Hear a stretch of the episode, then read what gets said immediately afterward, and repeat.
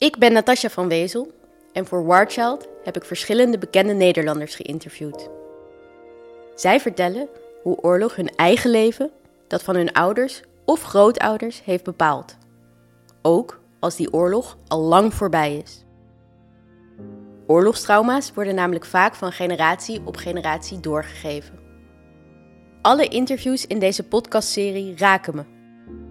Zelf ben ik het kleinkind van vier Holocaust-overlevenden. De ouders van mijn vader zaten tijdens de Tweede Wereldoorlog ondergedoken en de ouders van mijn moeder vluchtten naar Zwitserland. Zij hebben de oorlog gelukkig doorstaan, maar het grootste deel van hun Joodse familie, en dus van mijn familie, niet. Dat had impact op het leven van mijn ouders. En ook mijn leven wordt vandaag de dag nog beïnvloed door een oorlog die 80 jaar geleden plaatsvond. In deze podcast vertelt journalist en auteur Geert Mak zijn persoonlijk verhaal om aandacht te vragen voor de kinderen die nu in oorlog leven. De ouders, broers en zus van Geert hebben het Jappenkamp overleefd.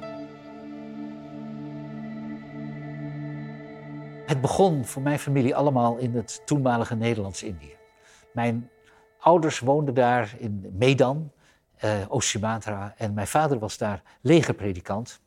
Maar de oorlog brak uit en oorlog is natuurlijk waanzinnig ingrijpend voor een kind. Mijn broers en zussen maakten mee dat ze aan het spelen waren in de voortuin van een mooie villa in een lommerrijke Indische laan. En opeens was het allemaal voorbij. En, en, een paar dagen later werden ze ja, echt door, door de loopgraven gejaagd, in een of andere kamp opgesloten. Uh, uh, het was, was ja, diep schokkend. Uh, zoiets was natuurlijk ondenkbaar geweest altijd. Daar waren ze ook helemaal niet op voorbereid. Um, al heel snel landden de Japanners ook op Sumatra in begin 1942. En mijn vader, uh, die belandde als legerpredikant aan de Birma-spoorweg.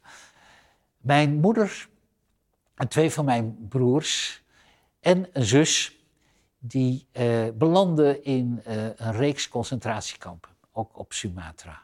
En daar werd de situatie al snel nijpender. Veel honger, geen medicijnen. als ik erover nadenk, denk ik, en dat vind ik een pijnlijke gedachte, dat ik mijn leven aan Hiroshima en Nagasaki te danken heb. Want uh, anders had die oorlog met Japan zeker 1, 2, 3 jaar langer geduurd. En ja, mijn moeder had misschien nog twee, drie weken te leven. Het was echt helemaal uitgeteerd. En mijn vader misschien nog één, twee maanden, maar dan was het ook bekeken. Dus het is echt een mirakel uh, dat ze het gehaald hebben. En de hele familie heeft het overleefd. Maar beide broers, moet ik ook zeggen, praten over een terugkeer naar Nederland als ronduit traumatisch. Dat was echt traumatisch. Toen opeens zwegen ze. Toen opeens uh, begon mijn broer Hans bijna te huilen.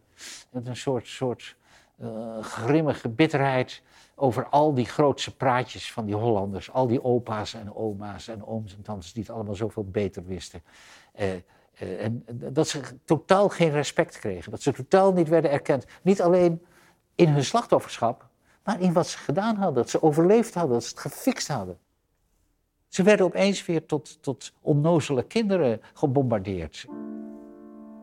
Uh, maar het, het, was wel heel, heel leuk thuis. Uh, kijk, ik heb hier bij me. Dit was ongeveer het eerste wat ik in handen kreeg. Deze beer, Baloo. Het is een echte, originele kampbeer. Want dat is de beer van mijn broertje Hans, die deze beer door al deze kampen heeft meegesleept. Helemaal versleten is hij. En daarna kreeg ik als ongeveer als eerste cadeautje zijn beer mocht ik hebben. Die kreeg ik uh, in mijn babyarmpjes gestopt. En nou, die Baloo heeft zeker nog uh, tien jaar met mij opgetrokken. En nou ja, goed, dus uh, ja, dit is echt een, een, een, ja, een echte kampbeer. Geboren in 1937. Dus ja, nu bijna ja, 85 jaar oud.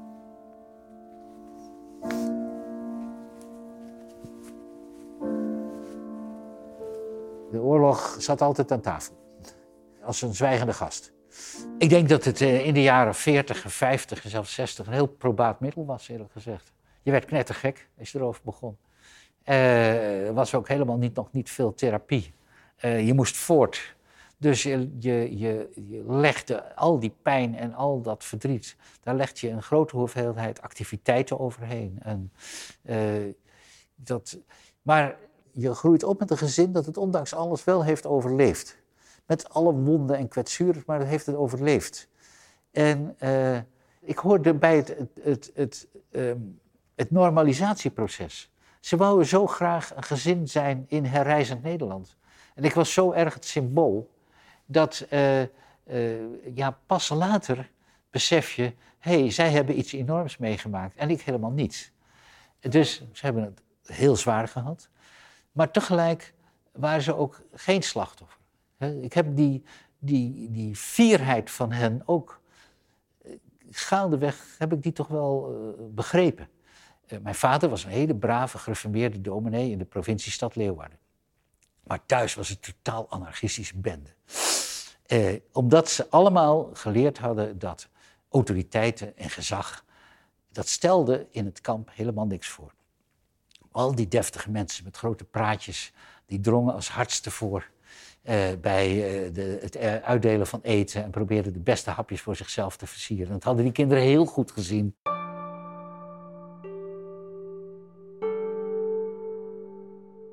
Ik heb mij nooit onveilig gevoeld in Europa en in, deze samenleving, maar ik, ik was wel. Je, je, hebt wel een, een, een, alertheid. Je hebt altijd wel een, een seismograafje in je lijf staan. Ik ben waanzinnig bezorgd. En dat is toch een verschil. Angst heeft iets verlammends. Dat heb ik niet. Uh, maar je, ja, je, je, je hebt wel een alertheid ontwikkeld voor dit soort situaties. En je weet dat het kan gebeuren. Zoals, uh, het is totaal niet vanzelfsprekend dat bijvoorbeeld dat je in vrede leeft. Uh, en dat er elke dag genoeg eten is en dat er water uit de kraan komt. En uh, als je ziek wordt, dat, uh, dat er dan iets aan gedaan wordt. dat, dat diep in je hart vind je dat nog altijd niet vanzelfsprekend. In, in, in zo'n wereld ben je wel opgegroeid. En bijvoorbeeld zo'n Europese Unie. Dat is voor mij al lang niet meer een utopie of een droom van eeuwige vrede en engeltjes boven de volken. Nee, dat is puur een manier om te overleven. En een hele belangrijke manier om te overleven. Ik denk dat we zonder echt helemaal de klos zijn. Dat is, zo, zo bekijk ik het. En daarom ben ik er daar op dat soort dingen ook behoorlijk fel geworden de laatste jaren.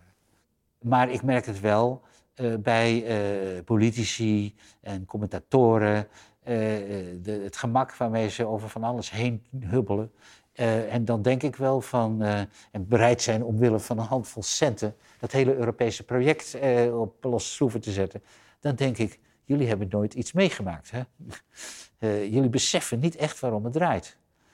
Over heel Europa, ja, ik heb het wel eens geschreven, hebben kinderen geleefd met uh, vaders op zolder. En met moeders op zolder. Met allerlei weggestopte shit. En uh, gek genoeg heeft dat allerlei gevolgen gehad. Maar ik denk ook dat het het gevolg heeft gehad dat zeker de eerste twee generaties uh, in de Europese politiek dat bewust en onbewust heel goed wisten en beseften. En over hun schaduw ook konden heen springen. Uh, dat heeft hen ook kracht gegeven om te denken, ja, we moeten concessies doen, maar dit willen wij nooit weer. Dus dan zie je ook die, die wonden en die ervaring, daar kan ook nog wel iets goeds uit voortvloeien, soms. Als ik puur in het Leeuwarden van de jaren 50 zou zijn opgegroeid, hè, met, uh, uh, en waar verder geen verleden zou zijn, dan zou ik uh, heel anders schrijven en heel anders hebben geschreven.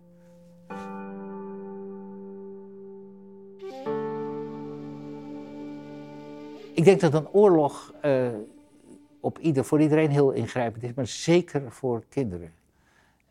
En ook zelfs voor hele jonge kinderen. En dat, dat wordt volgens mij niet genoeg gezien. Ik heb zeker drie vrienden die uh, zijn geboren in de oorlog, in de onderduik of in een Japans kamp.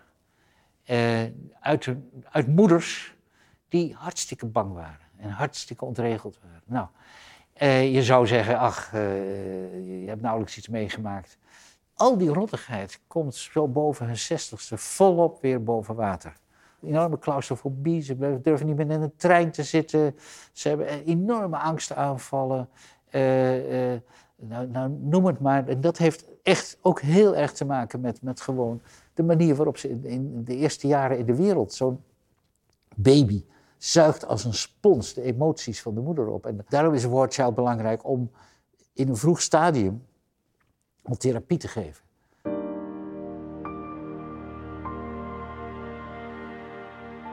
Ik denk verder dat het heel belangrijk is om vluchtelingen op te vangen. Dat wordt ook veel te weinig gezien. Dat, dat heel vaak getraumatiseerde gezinnen zijn. Met ontzettend veel, zo'n ontworteling van het eigen land naar hier. En dan van de ene asielzoekerscentra naar het andere. Uh, dat is al, al, al zeldzaam ontwrichtend. Uh, en dat, dat moet je sowieso zo min mogelijk doen. En als je het al doet, moet je het zwaar begeleiden. Uh, ik denk dat er een taak voor War Child alleen al is om eindeloos erop te damboeren hoe vreed het is om asielzoekers voortdurend om puur Haags bureaucratische redenen van de ene plek naar de andere te verplaatsen. Uh, kijk, dat is een voorbeeld van als je dingen meegemaakt hebt.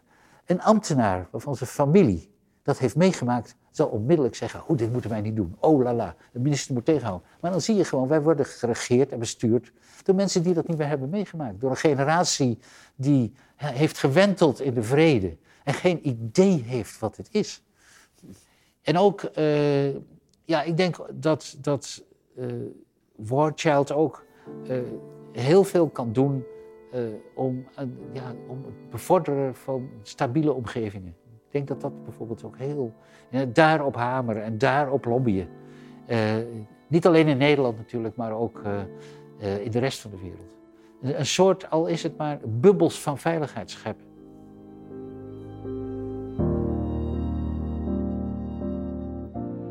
Nog steeds groeien kinderen op in oorlog.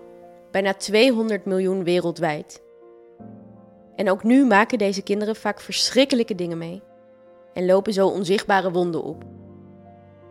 Ze voelen zich boos, bang, kunnen anderen niet meer vertrouwen of kampen met depressies.